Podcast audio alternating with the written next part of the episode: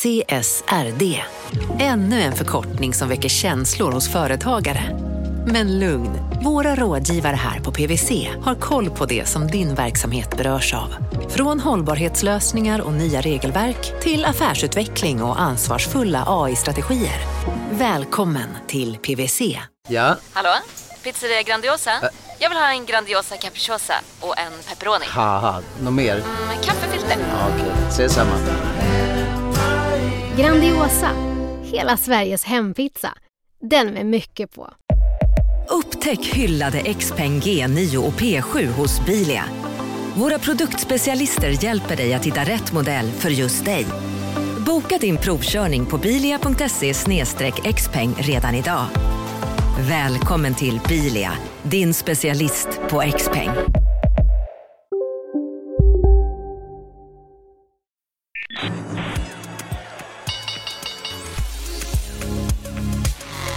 Det här är Affärsvärlden med Helene Rådstein.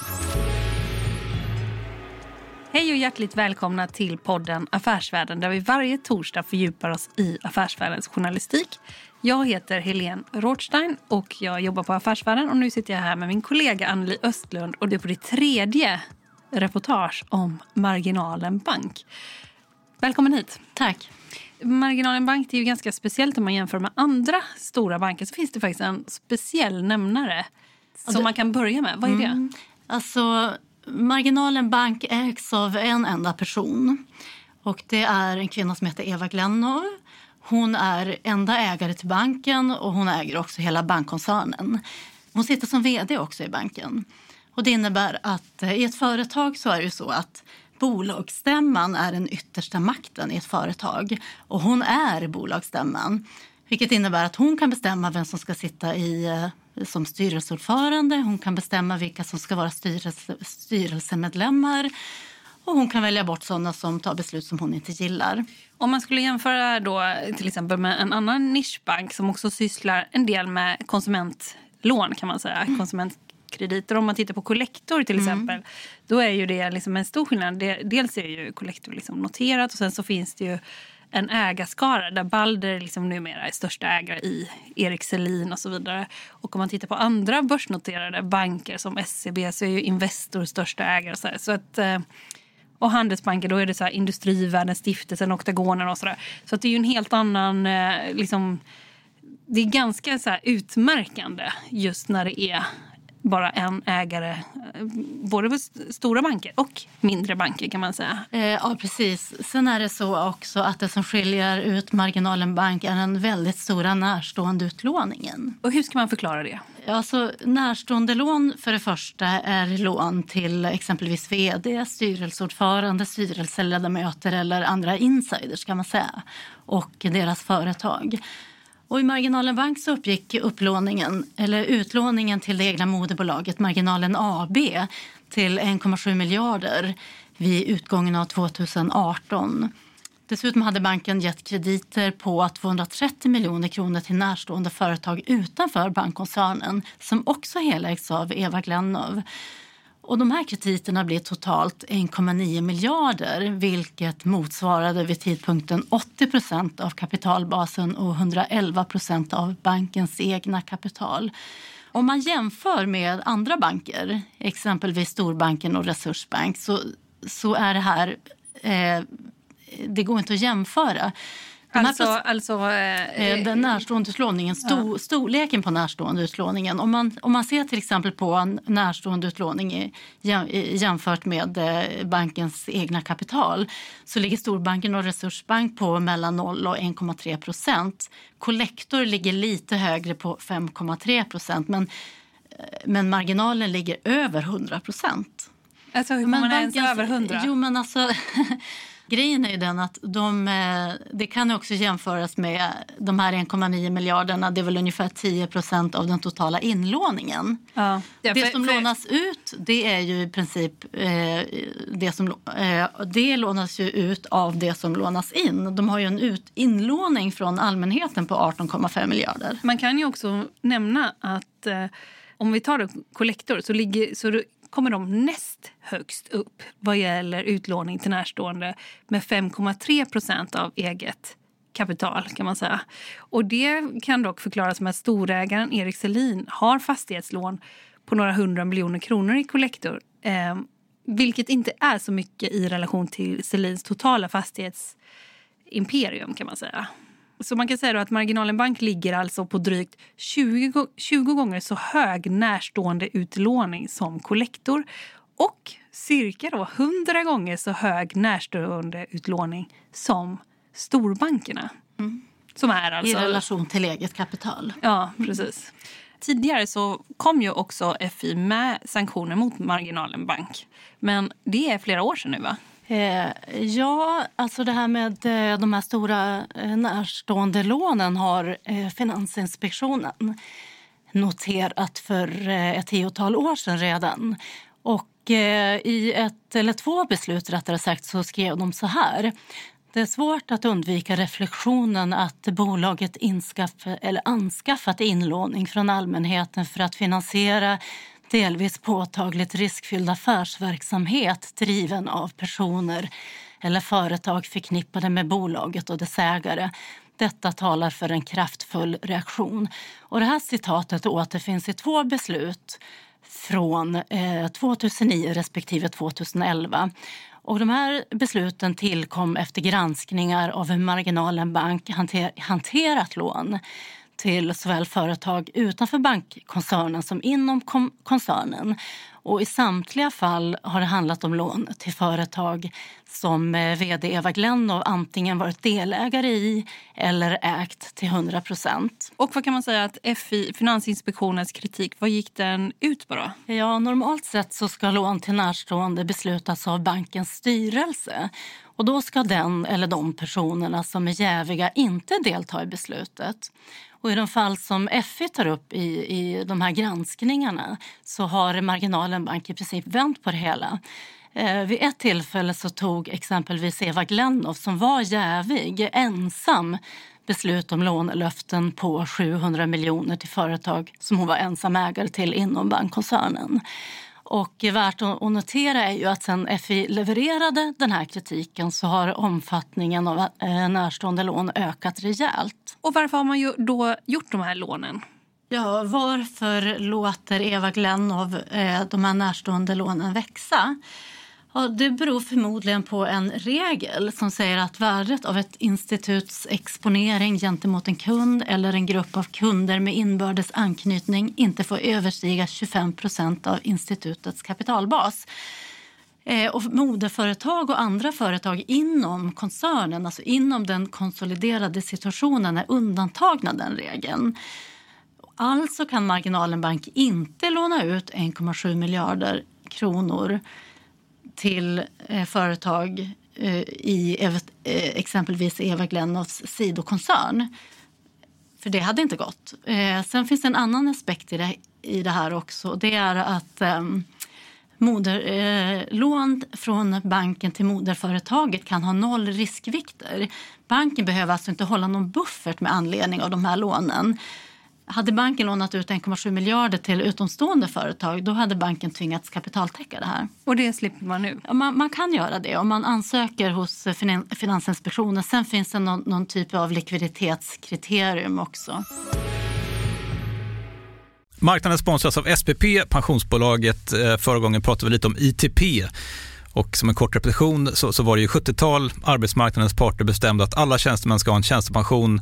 Man kom överens om vilka villkor som ska gälla i den här pensionen och så kallade man den för ITP. Så jobbar man idag som tjänsteman i ett företag med kollektivavtal, då har man förmodligen den här pensionen, ITP-pensionen. Eh, och det är ju så att man kan påverka eh, den här pensionen, hur den är placerad. Vart femte år så gör nämligen Collectum, som de heter, en enorm upphandling där olika pensionsbolag kan ansöka om att få förvalta eh, de här pensionerna. Och SPP är ett av bolagen som valdes ut i den senaste upphandlingen. Och sen kan du som pensionssparare välja eh, vilket av de här olika pensionsbolagen som, som då ska få ta hand om dina pengar. Och tanken med den här upphandlingen är ju att liksom kvalitetssäkra de här olika alternativen eh, men också att förhandla fram stora rabatter så att pensionsspararna ska få ja, kunna spara pengar genom att avgifterna eh, som är så viktiga eh, blir eh, lägre. Och vill man välja någonting i ITP-systemet då finns det en relativt ny sajt som heter avtalat.se. Ehm, där kan man gå in och se hur sin ITP-pension är placerad. Jag gjorde det häromdagen faktiskt. Ehm, idén är att hälften av pengarna alltid ligger i något som kallas för traditionell försäkring. Det här gjorde vi ett avsnitt om i podden Kapitalet nyligen eh, som vi kallade världens bästa sparform. kan man lyssna på om man är intresserad. Eh, den andra halvan eh, den kan man också lägga i en traditionell försäkring eller så kan man placera det i något som kallas för fondförsäkring. Ehm, SPP som sagt eh, var ju ett av de fåtal bolagen som valdes ut i den senaste upphandlingen och de finns med som alternativ både med en traditionell försäkring och med eh, fonder. Så det var en liten bakgrund till ITP-systemet. Vill man läsa mer om det här eller typ kolla hur ITP-pensionen är placerad, eh, kanske göra förändringar, då går man in på avtalat.se. Eh, men tack säger jag till SPP som vill göra oss människor mer medvetna om hur enormt viktig pensionen är för oss som en framtida lön, men också som en positiv kraft i samhället eh, och förstås för att ni möjliggör eh, den här podden Marknaden. Du lyssnar på Affärsvärlden Magasin med Helene Rådstein. Med oss här i studion idag så har vi också Rebecka Söderström som är lektor i civil och kapitalmarknadsrätt vid Uppsala universitet. Välkommen hit. Tack. Affärsvärlden har i förra veckans granskning visat att sammanlagt 1,9 miljarder kronor motsvarande 80 procent av bankens kapitalbas har lånats ut till bankens moderbolag Marginalen AB samt till Eva Glenoffs eh, sidokoncern. Och eh, vad ska man säga, detta är en typ av jävslån, Rebecka, eller hur ska man se på det här? Ja, precis. Krediter inom en bank som ges till vissa då närstående till banken ska hanteras på, på vissa sätt. Det är reglerat, det kan vara känsligt. Eh, så man får inte ge lån på bättre villkor eller andra villkor egentligen. Eh, och det måste vara affärsmässigt om man gör det här. Och det ska vara transparent. Det är viktigt. Man måste ha en insyn. Det ska föras register över de här lånen så att man kan se vilka närstående till den här banken har fått lån och hur har det gått till. Så det är en viktig reglering. Men är det problem med stora närstående lån även om de är affärsmässiga? Rebecka, vad skulle du säga? Ja, jag skulle säga att det finns en problematik. Eh, varför de regleras är ju för att undvika att de inte är affärsmässiga. Att banken på, alltså på bekostnad av banken ges ut. Eh, att man dels får mindre ekonomisk vinning eller att man ökar bankens risk genom det här. Men även om de är affärsmässigt korrekta och, och man har det här registret och det är transparent så skulle jag säga att det ser ju inte bra ut med en jättestor närståendeutlåning. Och mycket av regleringen kring sundhet i banker och så vidare handlar ju om att vi ska upprätthålla allmänhetens förtroende för bankväsendet.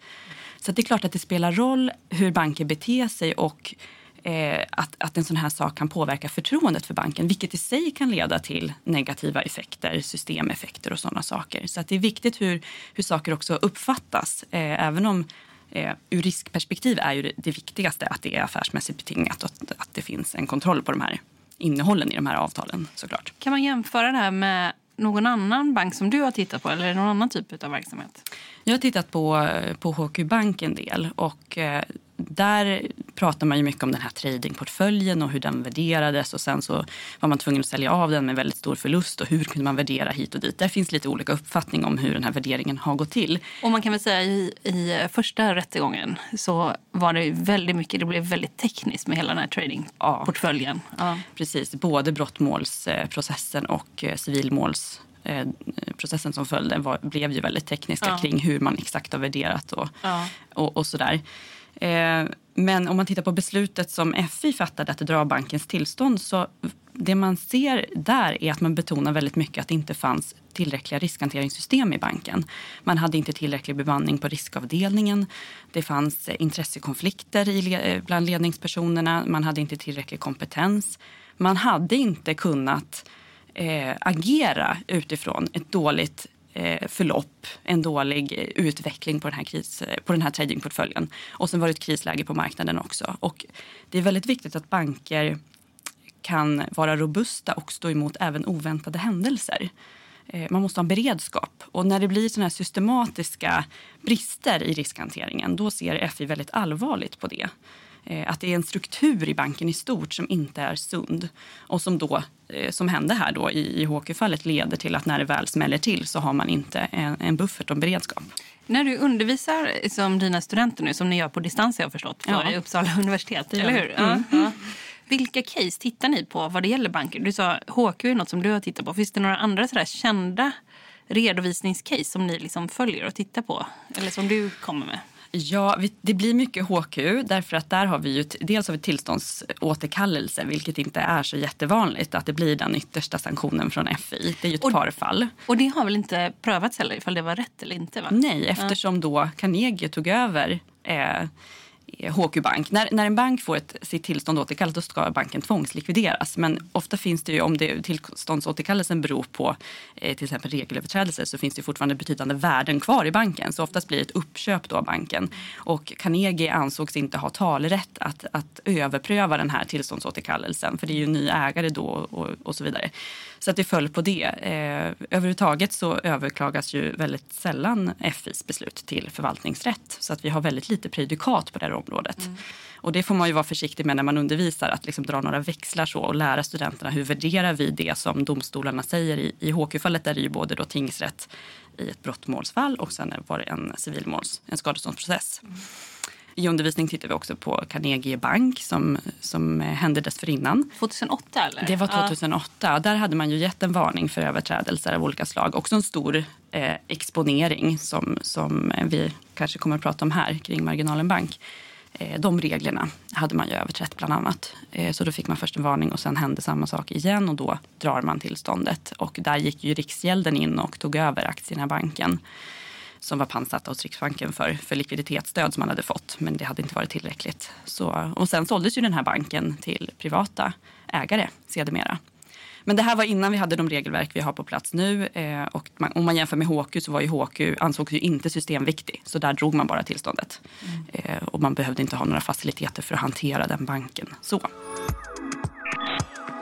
Du lyssnar på Affärsvärlden med Helene Rådstein.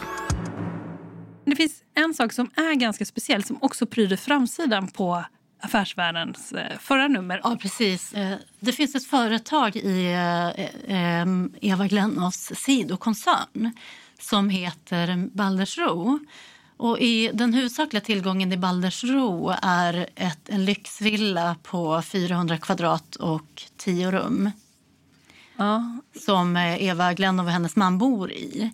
Och eh, i och med att den, det här företaget, då, Baldersro, går med eh, en årlig förlust på ungefär 5 miljoner. Och det här täcks upp av, eh, eh, av de övriga bolagen i koncernen.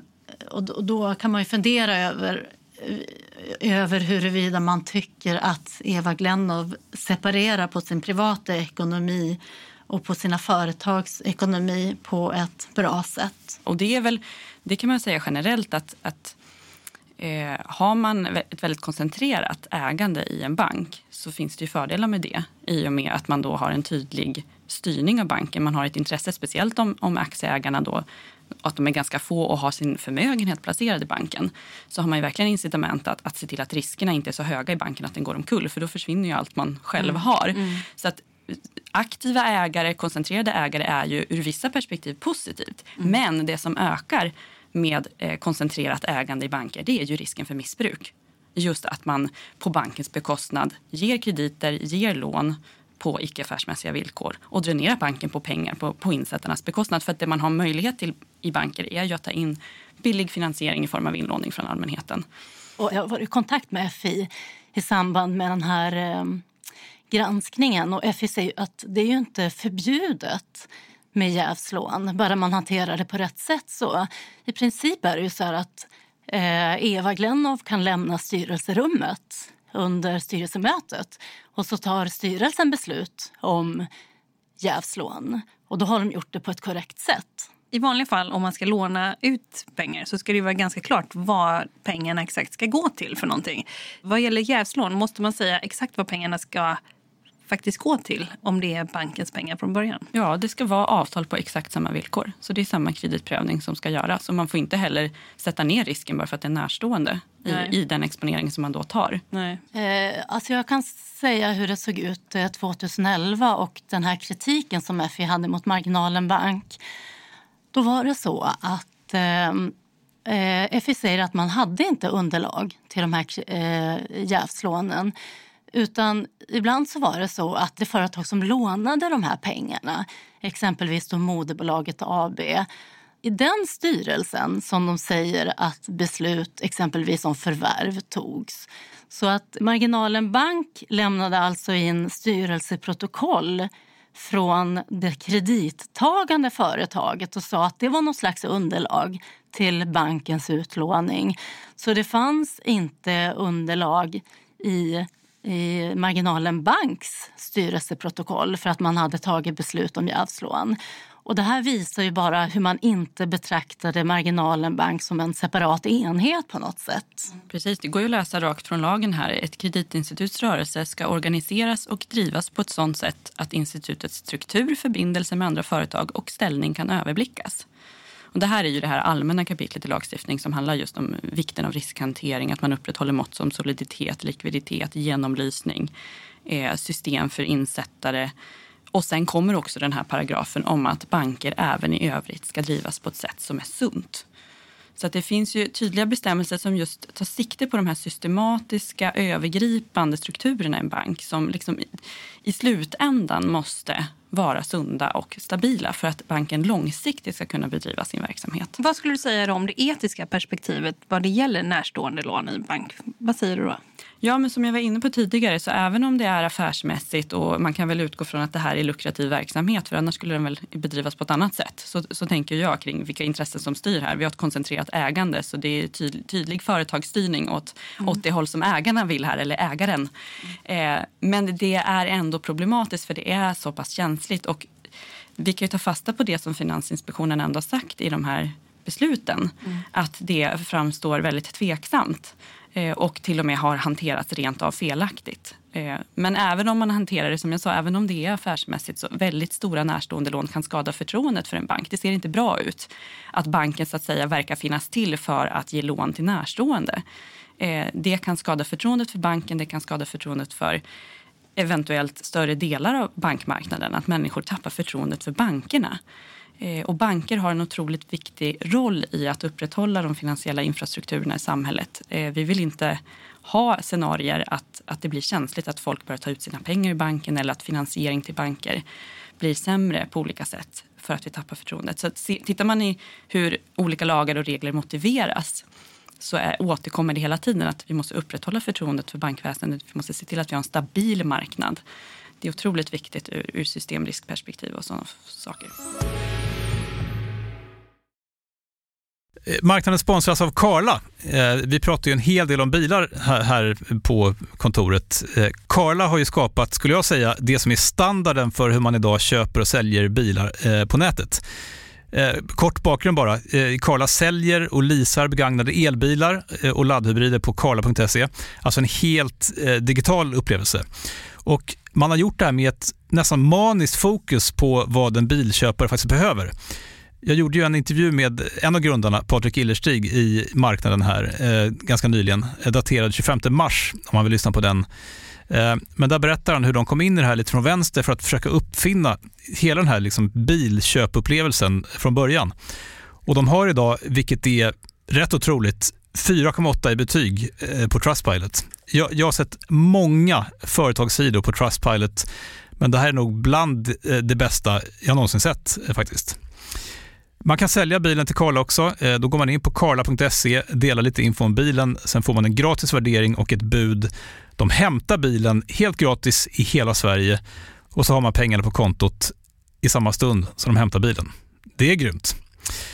Eh, så ska du köpa en ny bil eller sälja din gamla, eller båda delar för den delen, gå in på karla.se och kolla. Alltså karla.se och Karla stavas med C.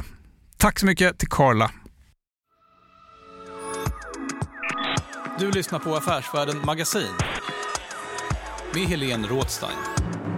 Vad skulle man säga då, Anneli? Vad har pengarna använts till? Ja, de pengar som har lånats ut till eh, Marginalen AB har bland annat använts till förvärv av företag i Baltikum och utlåning till dessa företag. Och det rör sig bland annat om inkassobolag och köp av förfallna fordringar. Det är så här också att i eh, artikel eller granskning nummer två har vi sett på utlåningen neråt och det är ytterligare 1,6 eller 1,5 miljarder. Eh, utlåning neråt är inte lika kontroversiellt som utlåning uppåt. Men eh, utlåningen neråt har gått till företag som eh, dotterföretag som köper förfallna fordringar. Och vad vi har tittat på där är värderingen av de här förfallna fordringarna som som eh, kan diskuteras. Och vad ska man säga då, Rebecka? Vad är förfallna fordringsportföljer för någonting? Det kan ju vara privatpersoners lån som inte har kunnat drivas in. Jag tror Finansinspektionen använder ordet fallerade exponeringar. Det är kreditförsämrade portföljer. Eh, så man vet redan att människor har haft svårt att betala tillbaka de här lånen. Det finns redan ett, ett liksom, ja, en försämring i värdet. Och de här har ju då som jag har förstått det, ganska länge ansetts som väldigt riskfyllda för banker att ha på tillgångssidan. Så man kanske inte riktigt vill att man ska ha mycket av det här. Och därför så har man förtydligat från den europeiska bankmyndigheten EBA och sedermera också FI har gått ut och sagt att den här typen av tillgångar ska ha en riskvikt på 150 procent. Vad menas med det? Det menas med att 150 procent av, eh, att värdet på en portfölj ska riktviktas och ha ett kapital i banken. Så att det blir alltså dyrare för banken att ha den här typen av tillgångar för man måste hålla mer kapital i förhållande till tillgångens värde. Det är alltså, man, man sätter värdet eh, utifrån risken på tillgången. Så är det en högre risk på tillgången så ska du hålla mer kapital. Det blir dyrare för banken.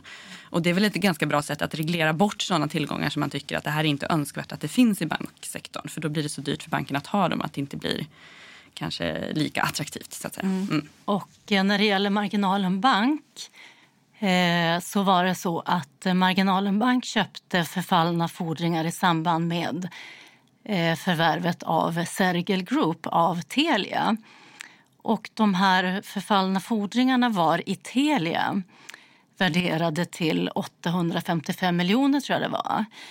Sen så i samband med det här förvärvet så värderades de förfallna fordringarna upp med jag tror att det var 965, alltså typ närmare en miljard. Så slut, eh, slutvärdet på det här blev 1,8 eh, miljarder. Och det här hade aldrig fungerat om man hade betraktat det här som enskilda kreditportföljer. Men på grund av att man eh, sa att man värderade en rörelse så kunde man göra såna här en sån här stor uppvärdering på en gång. Men eh, en konsekvens så borde det här vara mycket dyrare då för bankerna. Varför skulle man vilja då höja värdet så pass mycket? Anneli? Alltså jag kan eh, bara utifrån det här marginalen bankcaset så innebar ju den här uppvärderingen med en miljard att eh, balansräkningen i koncernen stärktes rejält. Sen eh, blev det också en väldigt, en, en väldigt speciell effekt. Eh, tack vare den här uppvärderingen så bildades negativ goodwill i samband med köpet på 100 miljoner och den gick över resultaträkningen så det höjde så det höjde intäkterna och resultatet i samband med köpet. Och negativ goodwill är ju otroligt ovanligt. Finansinspektionen har ju flera sanktioner som man kan dela ut. Inte minst har vi blivit varse det med penningtvättshärvorna, med Swedbank till exempel. Men vad kan man säga vad det gäller Finansinspektionens sanktioner? Är de bra tycker du? Eller liksom, gör de något med verksamheten efteråt? Det tror jag absolut. Eh, aktörer på marknaden tittar på när det kommer sanktioner. Och eh, det ger ju en ganska god bild av Finansinspektionens syn på hur man ska tolka och tillämpa de här regelverken som inte alltid är så lätta att tolka och tillämpa. Ska man säga. Det är väldigt mycket detaljerade regler nu som har kommit för banker och eh, begrepp och olika saker som man, ska, som man ska försöka förhålla sig till i sin verksamhet. Så det påverkar väldigt mycket. Och det är, ju, det är ju kraftfulla saker som kan hända. Dels så kan ju Finansinspektionen dra tillståndet för en bank eller ge en varning. Det är på samma nivå för grova överträdelser. Eller så kan man få en anmärkning och sanktionsavgift. Och där har ju reglerna ändrats efter finanskrisen. Förut fanns det ett tak på 50 miljoner som var max för sanktionsavgift. Straffavgift heter det då. Det är inte så mycket för en bank. Det är inte alls mycket Nej. för en stor bank. Nej. Men nu kan man sätta, den, sätta taket på olika sätt. Bland annat ska man använda att man som mest kan ge 10% av bankens omsättning föregående år. Och det kan ju bli en hel del på en stor bank ja, om man sätter det som tak. Eh, och det taket har ju använts nu mot Swedbank med 4 miljarders eh, avgiften som kom som är jättehög. Är det första gången det används? Det här är en rekordstor sanktionsavgift som har kommit nu mot Swedbank. Eh, mm. Och det är intressant att man nu använder fulla skalan av det här nya regelverket för att sätta en hög sanktionsavgift. Kan man tänka sig att det på sikt också skulle kunna påverka omsättningen i bankerna? Att liksom ju, hör, ju större banken är, desto mer... Alltså jag förstår, då har man också mer att ta av. Förstår mm. man ju. Men skulle man kunna tänka att det skulle kunna göra något med redovisning? Alltså. Det finns en regel som säger att man får inte ge en så stor sanktionsavgift så att, bankens, eh, så att banken äventyrar sina möjligheter att uppfylla sina förpliktelser. Alltså man får inte, man får inte, det måste vara proportionerligt någonstans. Eh, och den bedömningen gör ju Finansinspektionen när de sätter eh, storleken på sanktionsavgift. Klarar banken av det här? Och det, gjorde man ju, det sa man ju uttryckligen i Swedbank att jo, det här klarar man av att ta och gå vidare i livet så att säga. Jag ska bara säga att Eva Glennow som är vd och ägare här utav Marginalen Bank med moderbolag och dotterbolag och allting. Hon har blivit inbjuden hit för att medverka men tackat nej. Men de har gjort en replik i, som vi också har publicerat i kommande nummer här på, i tidningen Affärsvärlden. Där de bland annat säger att eh, Marginalen-koncernen har en robust organisation, oberoende styrelser, kompetent ledning och rigorösa kontrollfunktioner i banken såväl som i övriga bolag i koncernen och att ansvar och befogenhet utövas givetvis i enlighet med alla gällande regleringar och att strukturen tillåter inte att en person, inte vd och absolut inte ägare kan agera på egen hand. Så säger de. Är det något som vi vill kommentera? Karine? Jo, men alltså jag kan ändå säga så här att eh, det är klart att vd i banken som dessutom äger banken och äger moderbolaget har en väldigt stor makt Eh, och inflytande. Och som jag sa, att eh, en, en, en, en person som äger eh, 100 procent av aktierna i ett företag kan ju bestämma vem som ska sitta i styrelsen och vem som ska sitta Alltså vilka styrelsemedlemmar, vem, vilka som ska sitta i styrelsen. och är man inte nöjd med styrelseordförandes eh, beslut så kan man ju avsätta styrelseordföranden. Så att eh, det är klart att, eh, att ägaren har en väldigt stor makt i alla fall. Mm. Om man vill läsa de här eh, två stycken granskade reportagen så finns de i de senaste numren av Affärsvärlden. Och det är alltså Affärsvärlden som kom ut den 2 april 2020 och Affärsvärlden som kommer ut nu på torsdag Eh, den 9 april. Och jag säger tack till dig Anneli Östlund som har gjort de här granskande reportagen. Och jag säger också tack till dig Rebecka Söderström, lektor i kapitalmarknadsrätt vid Uppsala universitet för att du var med i podden Affärsvärlden. Tack, tack för att du kom hit. Tack för att du fick komma. Du har lyssnat på podden Affärsvärlden som utkommer varje torsdag. Mer fördjupande journalistik hittar du varje timme, varje halvtimme, nästan varje kvart på affärsvärlden.se. Och sen så går det också förstås att prenumerera på tidningen Affärsvärlden. Alla dessa uppgifter finns på affärsvärlden.se. Och podden, den är tillbaka om en vecka. Håll ut!